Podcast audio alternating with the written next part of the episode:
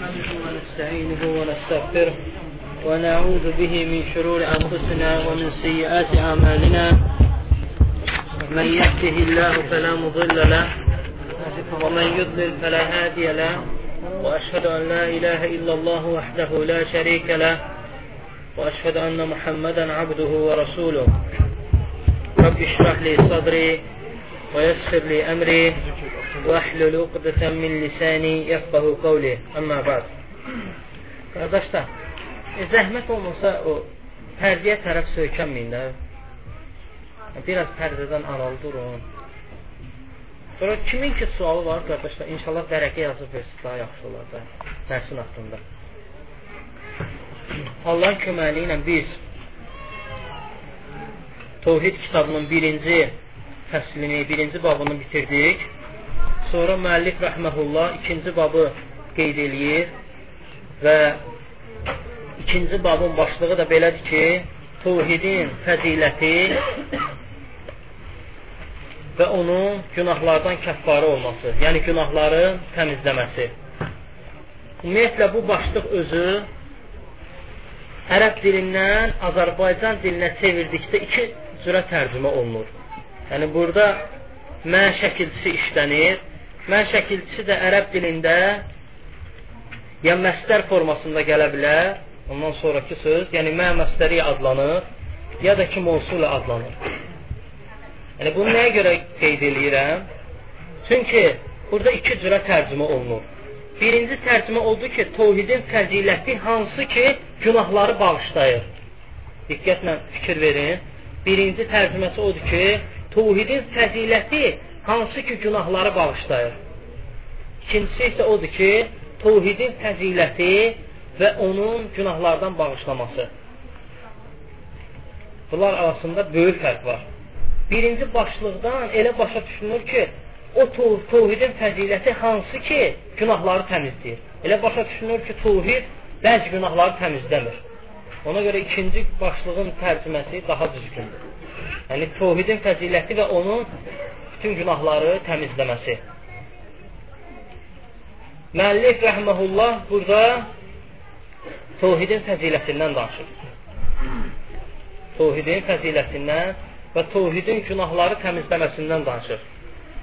Və ilk olaraq Allah Taala'nın bu ayəsini qeyd edir ki: "Əlləzina amanu və lem yelbisu imanahum bi zulmin, ulaika lahumul amnu və hum muhtadun." Ənam surəsi 82-ci ayəni qeyd edir. Buyurur ki, Allah Taala Quran-ı Kərimdə iman gətirib, imanların imanlarını zülm ilə qarışdırmayanlar əminamanlıqdadırlar. Həqiqətən doğru yolda olan da onlardır. Ayənin mənası budur. Allah Taala buyurur ki, iman gətirib. İman nədir? Ərəb dilində iman təsdiq mənasını verir, lüğəti mənada. Təsdiq mənasını verir. Ancaq şəriətdə isə Qardaşlar, arxaya səs gəlir. Hələ. Şəri mənada isə qəlblə etiqad eləmək, əməllə onu göstərmək və dillə onu demək. Və həmçinin əlavə olunur bu tərifə ki, iman azalır və artır. Bu, əhl-i sünnə vəl-cəmaədə imanın tərifidir. Bu tərif özündə çox şey şamil eləyir. Çünki batil olan İslam firqələri var ki, deyirlər ki, iman təhsə qəlblədir. Yəni, qəlblə iman gətirdin kifayət eləyir. Əməllə etməsən də olar. Cənnəti qazanırsan artıq. Bir qəlblə iman gətirdinsə, artıq sən cənnətliysən. Əməl isə, əməl isə sənin cənnətdə yerini çoxaldır. Bu şək yoxdur ki, batil rəy, batil fikirdir. Və həmçinin bəziləri deyir ki, dillə gətirmək kifayət eləyir. Dillə insan iman gətirirsə, bu kifayət eləyir. Qəlbində olmasa da. Qəlbində olmasa da, əməlindən göstərməsə də olar. Həmçinin bu da batil, Quran və sünnəyə müxalif olan rəydir. Düzgün rəy isə Quran və sünnənin dəlalət elədiyi tərif də budur ki, iman qəlblə demək, e, qəlb, iman qəlblə təsdiq eləmək dillə onu demək və əməllə onu göstərmək. Bu üç şey biri-biri ilə bağlı və biri-birindən ayrı olmayan şeylərdir. Və həmçinin sonra tərifə əlavə olunur ki, iman artır və azalır. Nəyə görə? Çünki bəzi firqələrin rəyinə görə iman artmır və azalmır. İman hissələrə bölünmür. Yəni bir hissədə olaraq qalır. Yəni bir cürədir. Ya insan mömin olur, ya da kafir olur. Bir əməl elədirsə, imanı var, eləmədirsə, küfr elədirsə, hansı küfrün fərqi yoxdur, elədirsə artıq kafir olur. Ancaq əhlüsün də elə deyil, iman artır və azalır. Onu artıran şey nədir? İtaətdir. Allaha və onun elçisinə itaat elədikdə iman artır, insan bunu özü də hiss edir.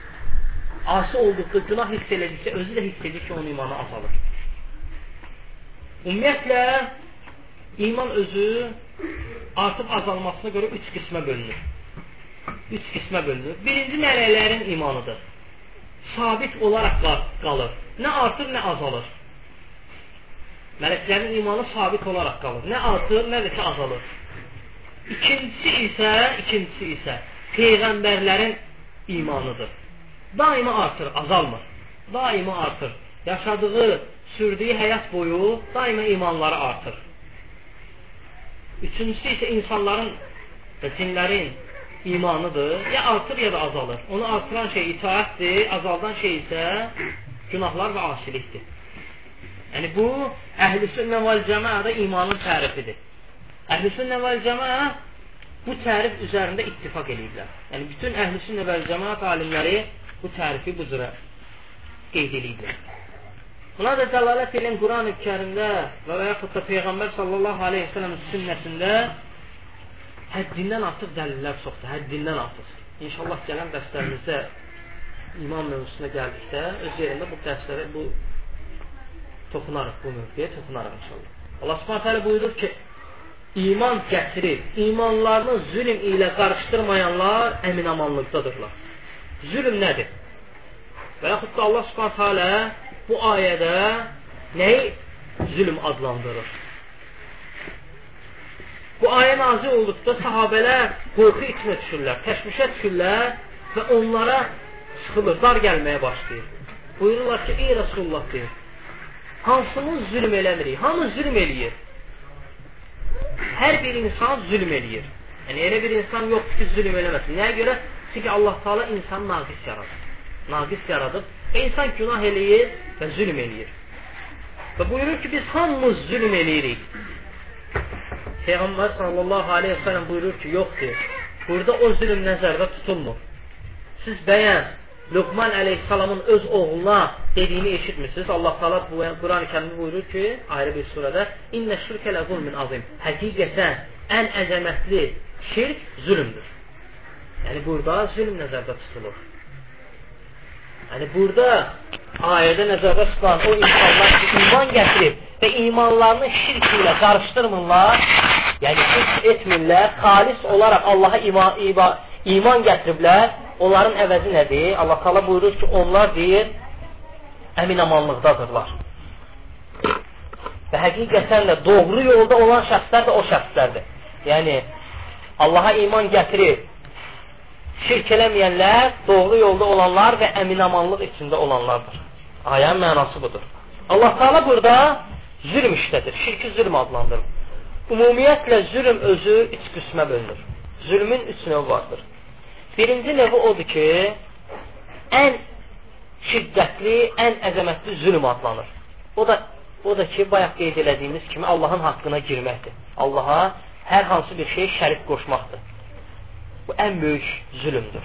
Bağışlanmayan zülmdür.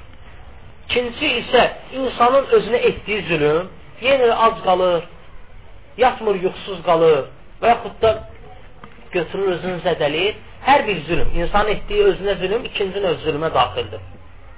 Üçüncü növ zülm isə insanın qeyrisinə etdiyi zülmdür. İnsan qeyrisinə zülm eləyirsə, bu üçüncü növə aiddir. Yəni insan ola bilsin, kimisə vursun, kimisə söysün, kimisə haqqını yesin, kimisə öldürsün, bunlar hamısı zülmdür, ayrısına olan zülmdür. Yəni hər bir zülm bu üç növün daxilindədir. Bunların da ən əzəmətlisi birinci növdür. Allaha şərik qoşmaq.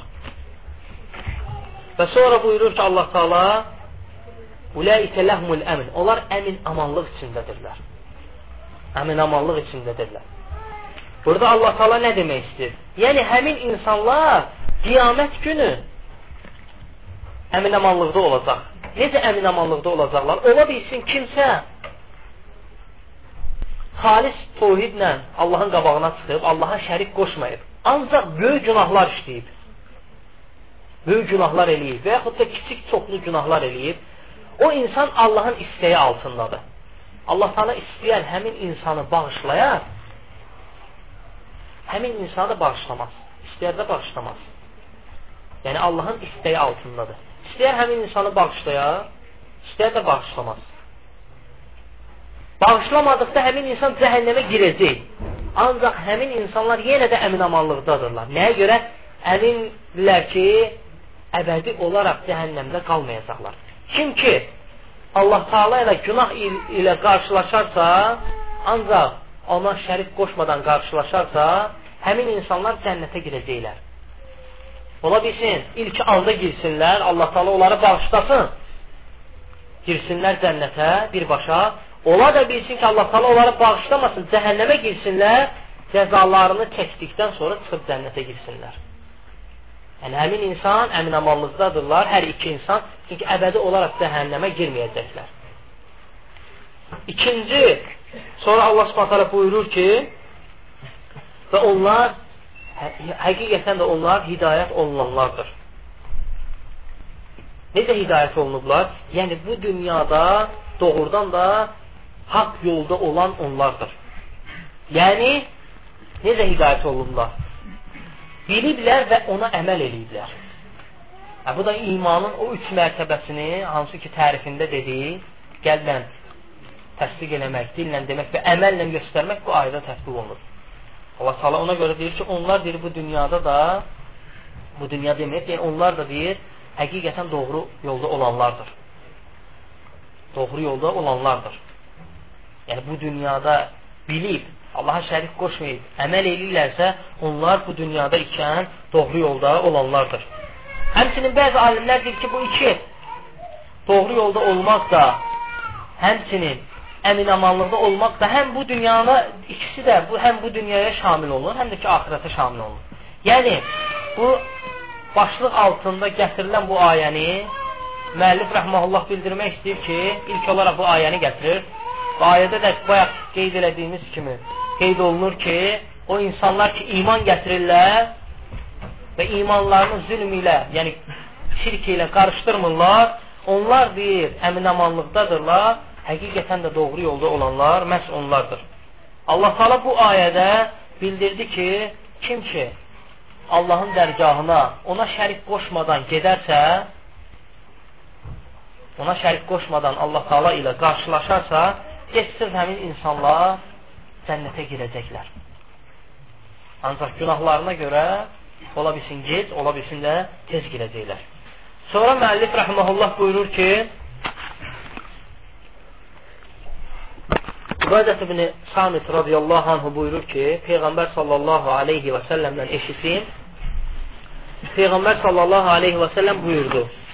Dedi ki, kim ki şahidlik eləyərsə Allahdan başqa ibadətə layiq olan Tanrı yoxdur və Məhəmməd onun qulu və elçisidir. Qulu və elçisidir. Həmçinin İsa əleyhissalam onun qulu və elçisidir.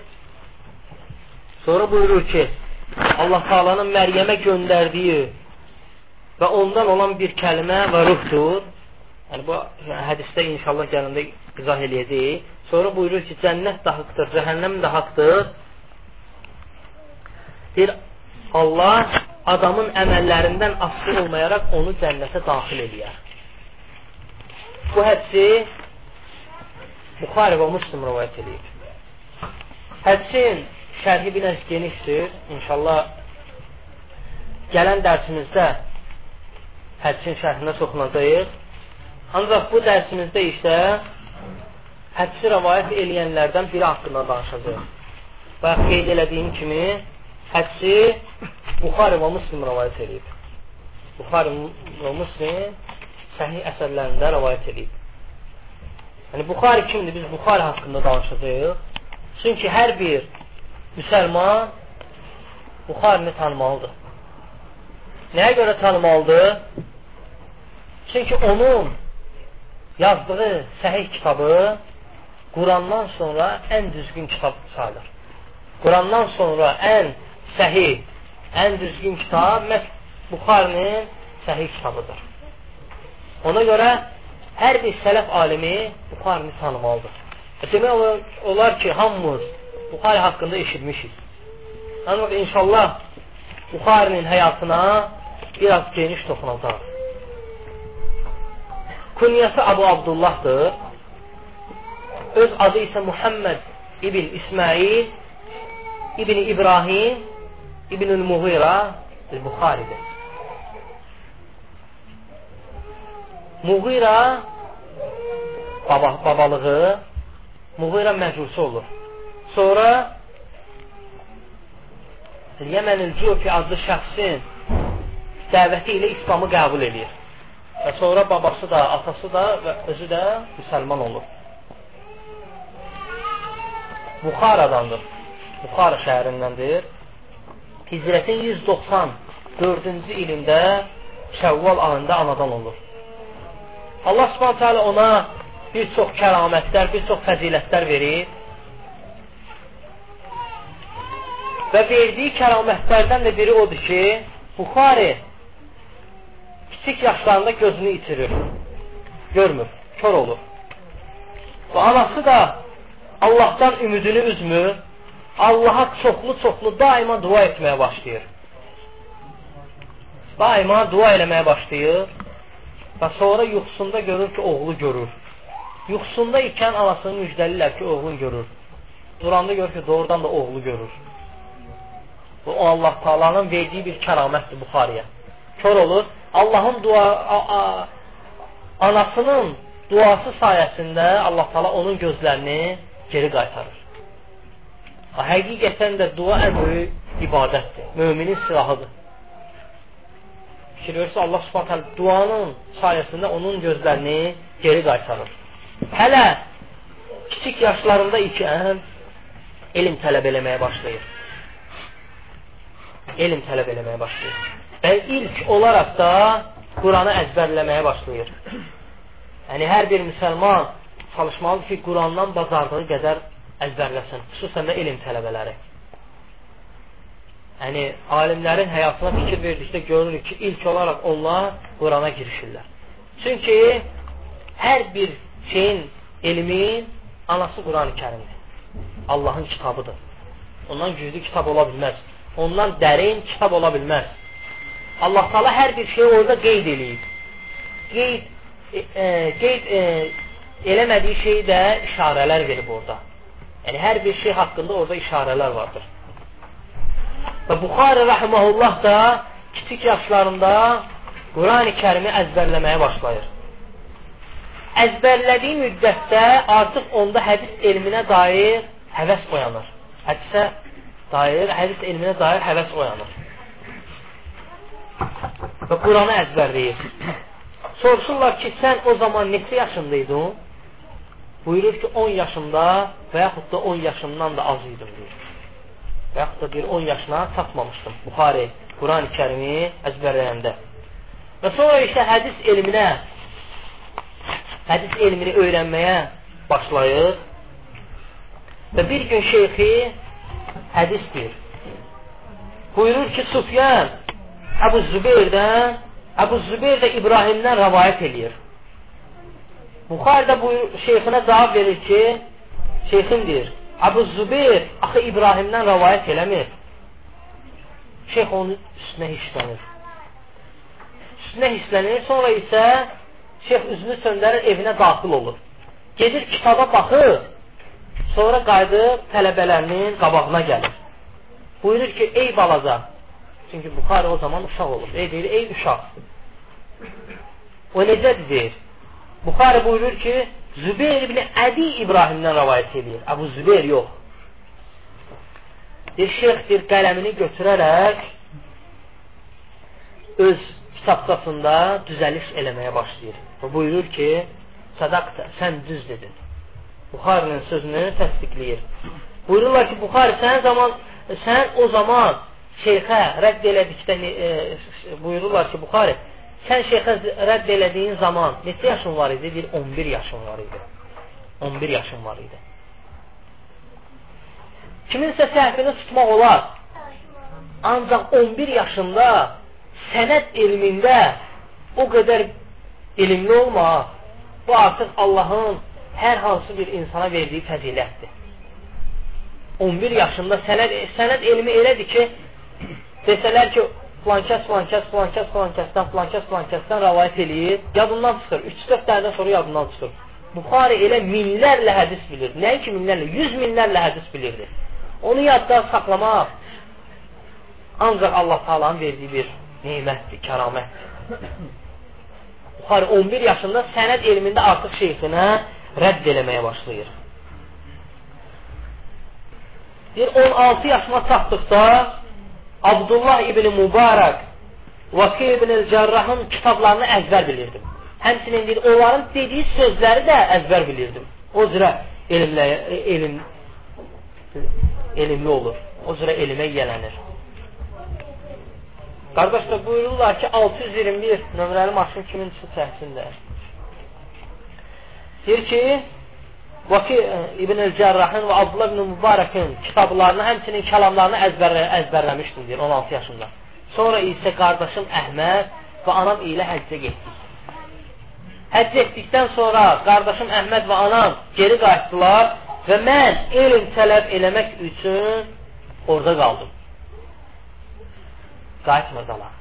16 yaşında ata, atası, ə, e, anasından və qardaşından uzaq düşür, ailəsindən uzaq düşür. Nəyə görə? Allah üçün elm tələb elədiyinə görə.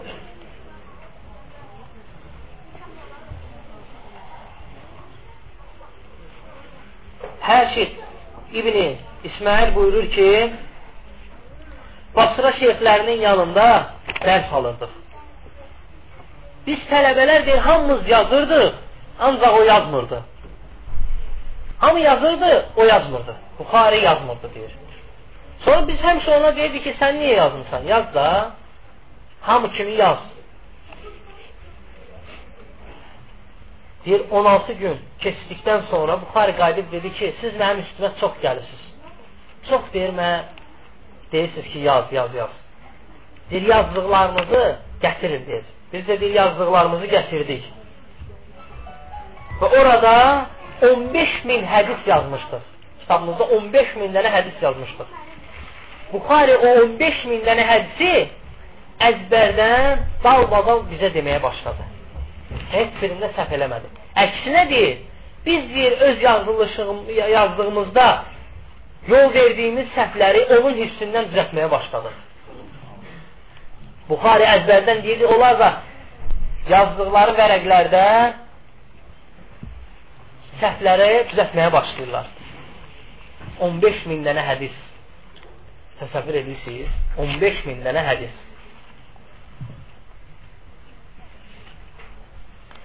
Ondan sonra deyir ki,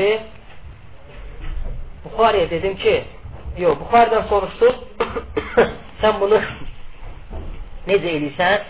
Deyir ki, mən deyir, elə bilirsiniz ki, boş günlərimi gəlib burada keçirdirəm.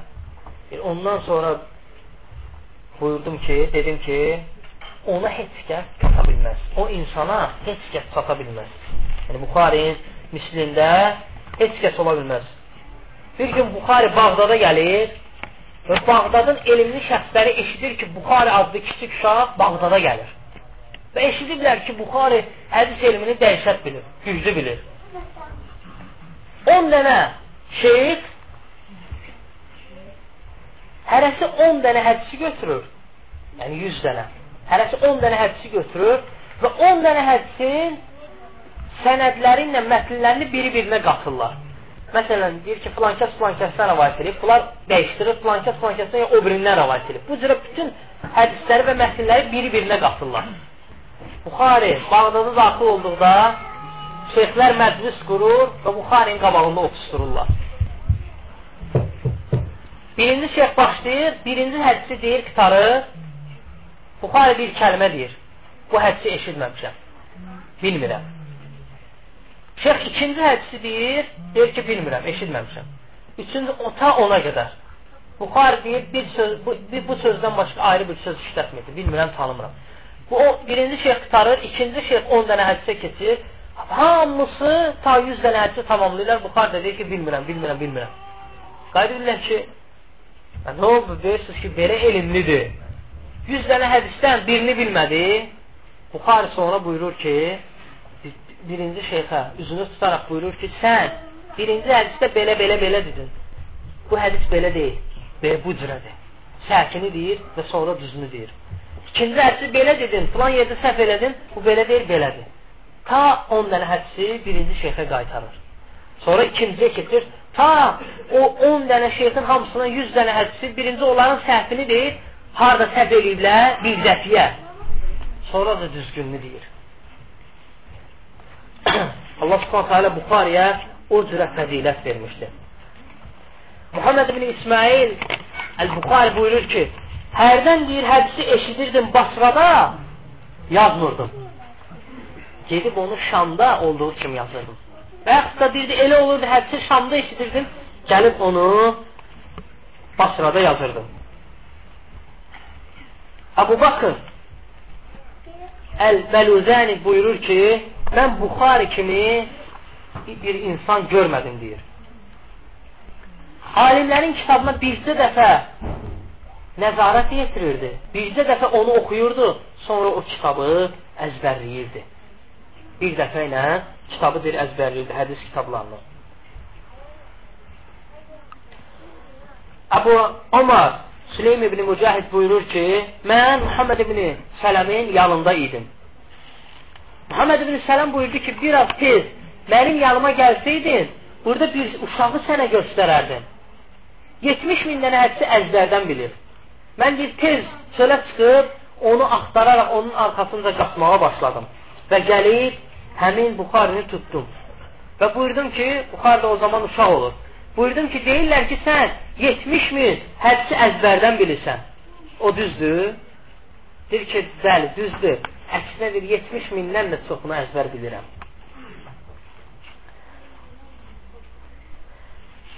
Sonra Buxari buyurur ki, Ədəm İbni Əbi İyyasın yanına gedirdim. Yəni, elm almaq üçün Ədəm İbni Əbi İyyasın yanına gedirdim.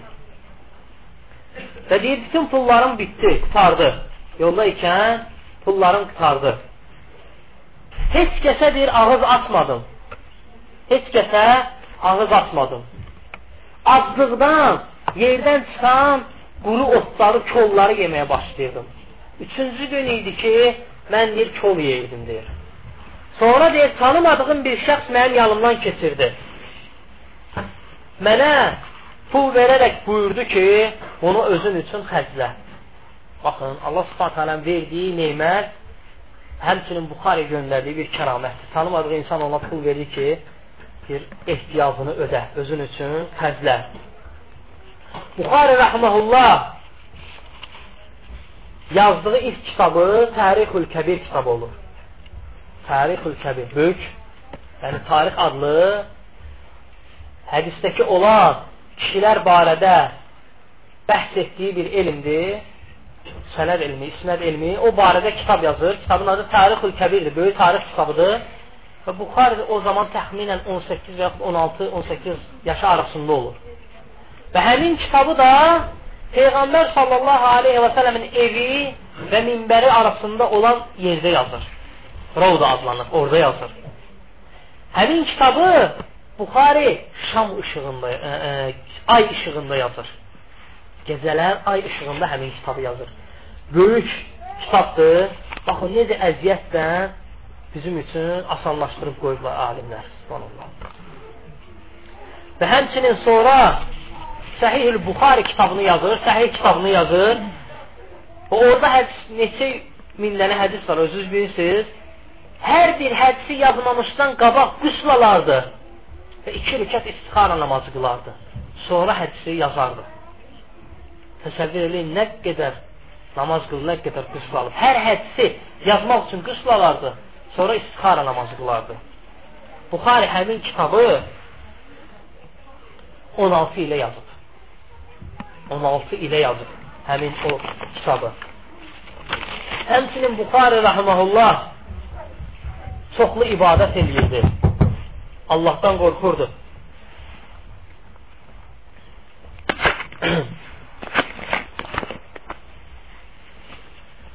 Və günah ilə Allah Taala, günah ilə Allah Taala ilə qarşılaşmaq istəmirdi. Deyir ki, Buxari buyurur ki, Allahdan bir arzum odur ki, Allahla qarşılaşım və heç kəsin günahını eləməyim. Yəni Allahla qarşılaşdığı, yəni heç kəsin günahını eləmədən Allahla qarşılaşım. Subhanallah, bizə baxın. Allah üçün heç nə eləməyə eləməyə nə qədər qeybət eləyirik. Allah üçün o qədər xeyirli işlər qoyub, onunla belə qorxur ki, qeybətlə Allah Taala ilə qarşılaşsın. Muhammed ibn Əbu Hatim buyurur ki, Muhammed ibn İsmail Əl-Buxari bizi bostanına dəvət elədi. Yəni onun bostanı var idi, biz də onun bostanına qonaq getdik, bizi dəvət elədi. Zöhr namazını qıldıqdan sonra Buxari rəhməhullah durub sünnə namazını qılırdı. Əlavə ibadət eləməyə başlayırdı.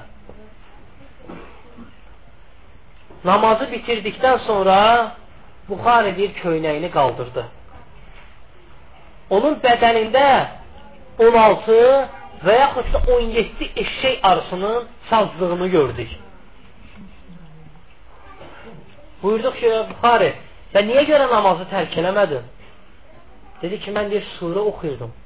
Allahın kəlamını yarımçıq qoymaq istəmədim. 16 və 17 eşək arısı onu sancır. Allahın kitabını yarımçıq qoymaq istəmir. Təsəvvür edirsiniz? Əbu Hatim buyurur ki, Muhammed ibn Əbu Hatim buyurur ki, bir nəfər gəlib Buxariyə dedi ki, filan kəsdən sənə kafir deyir. Həmin o fitnə o vaxtda var idi. Deyir ki, sənə kafir deyir. Buxar deyir, nə hissləndi, nə də bir şey. Qadir dedi ki, Peyğəmbər sallallahu aleyhi və sələmin belə bir hədsi var ki, Peyğəmbər sallallahu aleyhi və səlləm buyurub ki, hər bir kimsə qardaşına kafir deyərsə, onlardan biri kafir olur. Baxın. Nə həmin adamları söydü, nə arxasınca danışdı, nə azıladı. Heç nə. Bir dənə Peyğəmbər sallallahu aleyhi və səlləmin hədisini deməklə kifayətləndi. Budur, alimin ədəbi. Alimlərin ədəbinə baxın.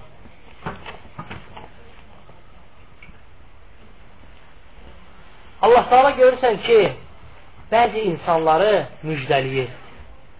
Yəni sağlığında ikən onlara kəramət verir, onları müjdəliyir. Allah Taala da Buxariyə bir çox belə kəramətlər nəsib eləyib. Nəcm ibn Fudeyl buyurur ki, yuxumda Peyğəmbər sallallahu aleyhi və səlləmi gördüm. Və Peyğəmbər sallallahu aleyhi və səlləm gedirdi. Və Buxaridə onun arxasınca gedirdi. Nə vaxtı ki, deyir Peyğəmbər sallallahu aleyhi və səlləm ayağını qaldırırdı, Buxari onun qald ayağının qaldırdığı yerə öz ayağını qoyurdu. Bu bir işarədir. Buxarinin Peyğəmbər sallallahu aleyhi və səlləmin yolunun arxasınca necə düz getdiyinə bir işarədir. Allah subhanətə alə Buxarinin necə düz yolda olduğunu bəyan eləyir. Əbu Zeyd Əl-Marvazi buyurur ki, mən deyir, Qaradaşla İbrahimin məqamı arasında yatmışdım. Həccə gedənlər o yeri bilirlər. Yəni Qaradaşla İbrahim, e, İbrahimin məqamı adlanan orada yer var. Onun arası, arasında deyir yatmışdım. Və yuxuda Peyğəmbər sallallahu aleyhi və səlləmi gördüm. Peyğəmbər sallallahu aleyhi və səlləm mənə buyurdu ki, mənə dedi ki, ey Əbu Zeyd, Nə vaxta qədər Şafinin kitabını öyrənəcəksən? Mənim dediyi kitabımı öyrən. Dedim, ey Rasulullah, sənin kitabın hansıdır ki? Buyurdu ki, Sahih-ül Buxari. Təsəvvür edirsiniz. Peyğəmbər sallallahu aleyhi ve sellem görübsə, demək doğrudan da Peyğəmbər sallallahu aleyhi ve sellem görüb. Çünki hədis var ki, insan, e, şeytan Peyğəmbər sallallahu aleyhi ve sellem cildinə girə bilmir. Kim ki Peyğəmbər sallallahu aleyhi ve sellem vəsflərini tanıyırsa, və doğrudan da Peyğəmbər səsəm yuxuda görübsə, demək doğru görüb. Təsəvvür eləyin, Peyğəmbər səsəm də həmin o Əbu Zeydə buyurur ki, mənim bir kitabımı öyrən. Həzrət Əbu Zeyd buyurur ki, soruşdum, sənin kitabın hansıdır? Dedi ki, Sahihül Buxari. Bu fəzilətdir. Buxari özü bu kitabı yazmağının səbəbi məhz Peyğəmbər sallallahu aleyhi və səlləmi yuxuda görməsidir. Yuxuda görür ki, Peyğəmbər sallallahu aleyhi və səlləm oturub və deyir, mən də, Buxar deyir, mən də yəni mirsəklər qovmasın, e, Peyğəmbər sallallahu aleyhi və səlləmin üstünə, üzərinə qovmasın deyinə o mirsək qovanla mirsəkləri qovurdum. Bu cürə bir yuxu gördüm. Ayrılıqdan sonra bəzi şeyxlərimə bu yuxunu dedim. Şeyxlər buyurdu ki, sən deyir, inşallah Peyğəmbər sallallahu aleyhi və səlləmdən pislikləri uzaqlaşdıracaqsan. Ondan sonra deyir, ağlıma Peyğəmbər sallallahu aleyhi və səlləmin səhih hədislərini bir yerə yığmaq gəldi. Və səhih-ül Buxarni yazmağa başladım. Alimlər Buxarini çoxlu tərifləyirdilər. Çünki o elə bir alim idi, doğrudan da tərifə layiq olan bir alim idi.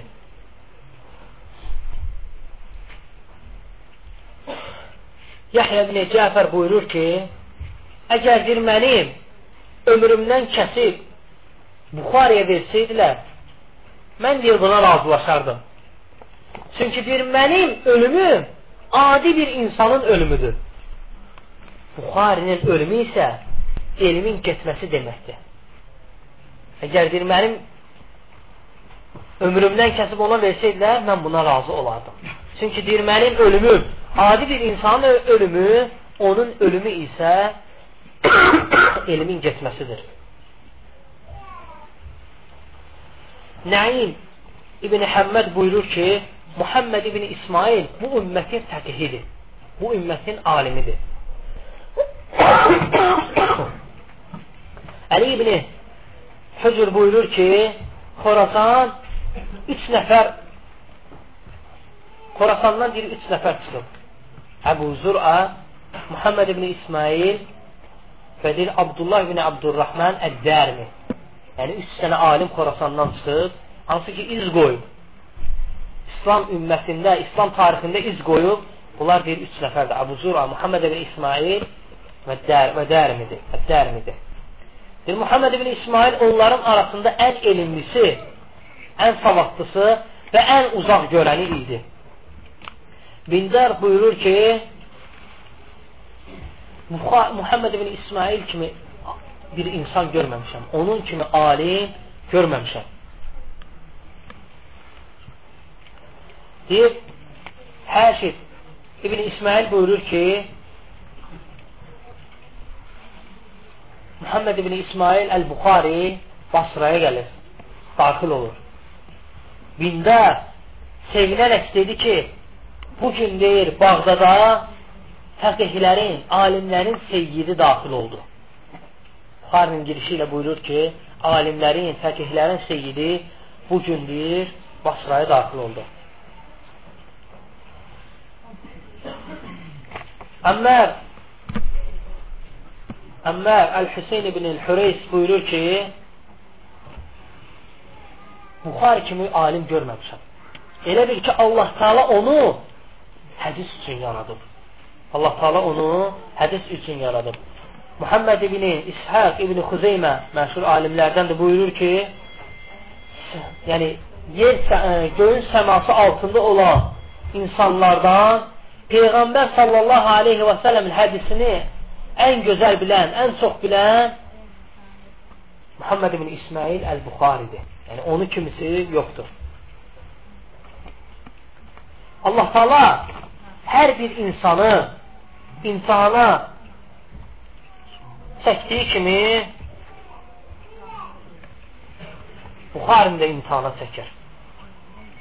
Yəni, bu həyat elə bir həyatdır ki,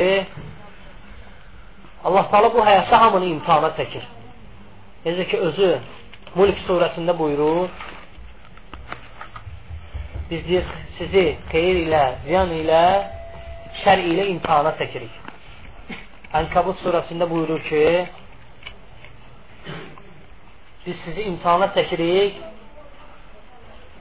düz danışanlarla yalançıları bilmək üçün, doğrularla, im doğru iman gətirənlərlə, yalan iman gətirənləri imtihanı. Bu cür ayələr Quran kəndə çoxdur. Yəni hər bir insan insan olunur. Hər bir insan Allah Taala tərəfindən imtahan olunur. Həmçinin Buxaridə Allah Subhanahu taala onu imtahana çəkir. Buxari ilə Zuhli arasında problemlər olur. Zuhli də məşhur alimlərdəndir. Ancaq Buxari dərəcəsini tapmır. Onunla Buxari arasında ixtilaf düşür. Yəni, şək yoxdur ki, Buxari bu mövqedə düz olur. İxtilaf düşür və Zuhlidə insanları onun yanına getməyə qadağan edir. Buyurur ki, Buxarinin yanına getməyin. Hətta bir gün məclisində buyurur ki, Buxarinin yanına gedən mənim dərslərimə gəlməsin. Zuhul də məşhur alimlərdəndir. Bir mənim dərsimə gəlməsin. Muslim hədis alimi Muslim Zuhlin dərsindən durur. durur və dərsi tərk edir. Gedir evinə. Nə qədər ki, Zuhlidən hədis yazıb, hamısını dəvənin belinə yükləyir, göndərir Zuhliyə. Ondan hədis götürmür. Baxın, subhanallah. Muslim necə ədalətli idi. Buxarıya paxıllıq eləmirdi. Ona qüftə eləmirdi. Əksinə, Buxarı haqq olduğu üçün öz müəllimi Zuhlini tərk edir. Gəlir evinə, nə qədər də on, ondan hədis yazır, neçə illər ondan hədis yazır. Hamısını dəvənin belinə mindirir, göndərir Zuhliyə. Hədis rəvayət eləmir ondan. Neysabura daxil olduqda ona paxıllıq eləyən insanlar çox olur. Paxıllıq eləyən insanlar da elm əhli olur. Sadəcə olaraq Buxar onlardan qat-qat fəzilətli, qat-qat elmli olduğu üçün onlar Buxarıya həsəd eləyirlər. Və məclis qururlar. məclis qururlar. Məclis qurduqda Buxar danışır. Bir nəfər yerdən qalxıb deyir ki, Buxari, eşitmişik sən deyirsən ki, Quran məxluqdur. Quran yəni Allahın kəlamı deyil, Allah tala onu yaradıb. Yəni Quran məxluqdur deyirsən. Buxari ona fikir vermir, üzünü söndürür. Yenə deyirlər ki, yenə həmin insan qayda verir ki, Buxari eşitmişəm sən belə deyirsən, Buxari yenə ona fikir vermir. Üçüncü dəfə yenə buyurur ki, Buxarə eşitmişəm ki, sən belə deyirsən, Buxarə üzünü ona tərəf çevirir, deyir ki, Quran Allahın kəlamıdır. Ancaq insanların hərəkətləri isə məxluqdur. Yəni, insan Quranı oxuysa, insanın oxu oxunuşu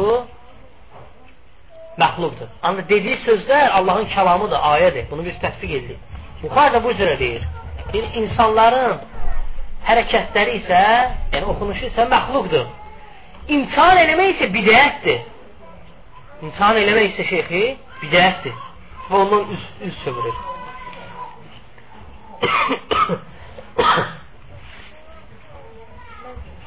Muhammed ibn Yahya əz-Zuhli, həmin o alim, Buxaranın əmri olan Xalid ibn Əhmədə buyurur ki, Buxari sünnəyə müxalif hərəkətlər edir onu deyir, Buxaradan uzaqlaşdır.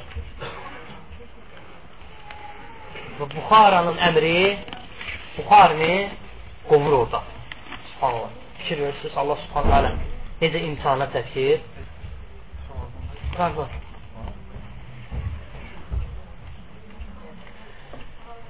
Onu Buxaradan qovduqda İbrahim ibn Məqal gəlir ona yaxınlaşır, deyir, təsəlli verir, deyir, Buxar deyir, üzülmə deyir. Allahın imtihanıdır. Bu cürə sözlər deməyə başlayır. Və bu zaman Buxara ona üzünü söndərib deyir ki, mən deyir bu cürə şeylərə, bu cürə sözlərə, bu cürə çətinliklərə fikir vermirəm deyir. Əsası odur ki, dinim salamat olsun. Əsası odur ki, dinim salamat olsun. Abdülquddus İbn Abdülcəbbər buyurur ki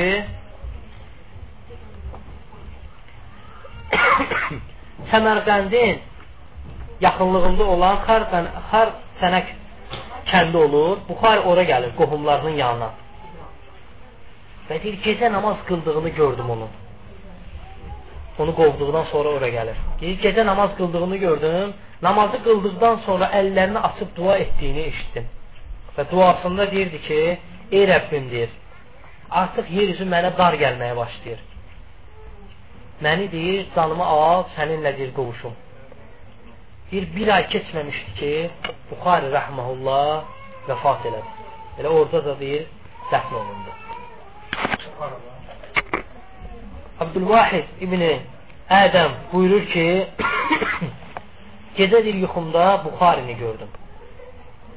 E, gecə bir yuxumda Peyğəmbər sallallahu aleyhi və səlləmi gördüm. Gördüm ki, ətrafında insanlar toplaşıb və Peyğəmbər sallallahu aleyhi və səlləm də onların qabağında durub. Və hiss elədim ki, Peyğəmbər sallallahu aleyhi və səlləm və onun arxasında olan insanlar kimsə gözləyirlər. Bayaq qeyd elədiyim kimi. Əgər insan doğru Peyğəmbər sallallahu yuxuda görürsə, demək doğrudan da Peyğəmbər sallallahu aleyhi və səlləmi görüb. Çünki şeytan onun cildinə girə bilmir. Və gəldim Peyğəmbər sallallahu aleyhi və sələmə yaxınlaşdım. Salam verdim və Peyğəmbər sallallahu aleyhi və sələm salamı, salamımı aldı. Sonra buyurdum ki, kimi gözləyirsiniz? Ey Rasulallah. Buyurdu ki, Muhammed ibn İsmail Əl-Buxarni gözləyirəm. Muhammed ibn İsmail Əl-Buxarni gözləyirik. Deyir, səhər atıldıqda yuxudan oyandım. Gəldim və gördüm ki, Buxar elə həmin anda vəfat edib. Təsəvvür edirsiniz, kəramətə, fəzilətə baxın. Görün, mələklər necə müjdəliyir. Neçə dəfə Buxarinin həyatında bayaq qeyd elədiyim kimi alimlər onu yuxusunda görür. Hamısı da müjdədir, subhanallah. Fikir verin. Buxarinin ölümü öldükdə belə Peyğəmbər sallallahu yuxuda görür ki, onu gözləyir. Bu bir kəramətdir. Buxari gecə ölür. Yəni bazar ertə, e, birinci günün gecəsində ölür. Bazar ertəsinin gecəsində ölür. Və sabahsı gündə Ramazan bayramı olur. Ramazan bayramından sonra zöhr namazını qıldıqdan sonra Buxarini dəfn edirlər. 62 yaşında. 256-cı ildə. Sonra Buxarini dəfn elədikdə dəhşətli bir hadisə baş verir. Tələbələri buyurur ki, Buxari bizə necə sünnədə vəsf eləmişdirsə ki, məni bu cürə baxışdırın, biz də deyir, onun bir vəsiyyətini yerinə yetirdik və sünnədə necə varid olubsa, biz də onu o cürə deyir, bastırdıq, o cürə kəfənlədik, o cürə, o cürə yuduq, o cürə kəfənlədik və o cürə də deyir, biz onu dəfn elədik. Dəfn elədikdən sonra deyir, qəribə bir hadisə baş gördü deyir. Gözəl bir iy bütün ətrafı bürümüşdür. Deyir, oradakı olan insanların hamısı bunun şahidi oldu. Və neçə günlər deyir, o iyi deyir, getmədi deyir Buxarin qəbrindən. Nə qədər bir insan deyir, hamımız deyir, bunun şahidi olurduq deyir. Hətta deyir, bu xəbər bütün ölkələrə yayılmışdı deyir. Bütün ölkələrə yayılmışdı.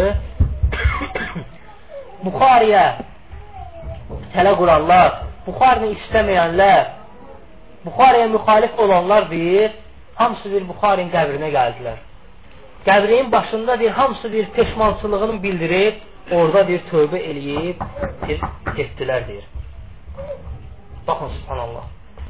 Hamısı deyir, bir peşmançılıq çəkirlər. Buxari etdikləri hərəkətə görə.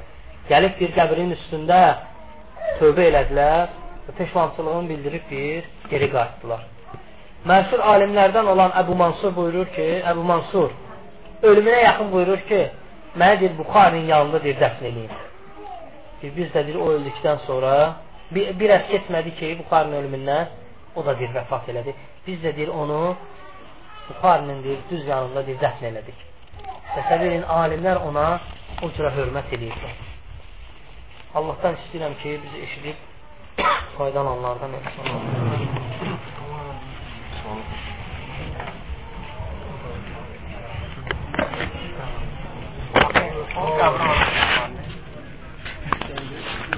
Samarqanddadır.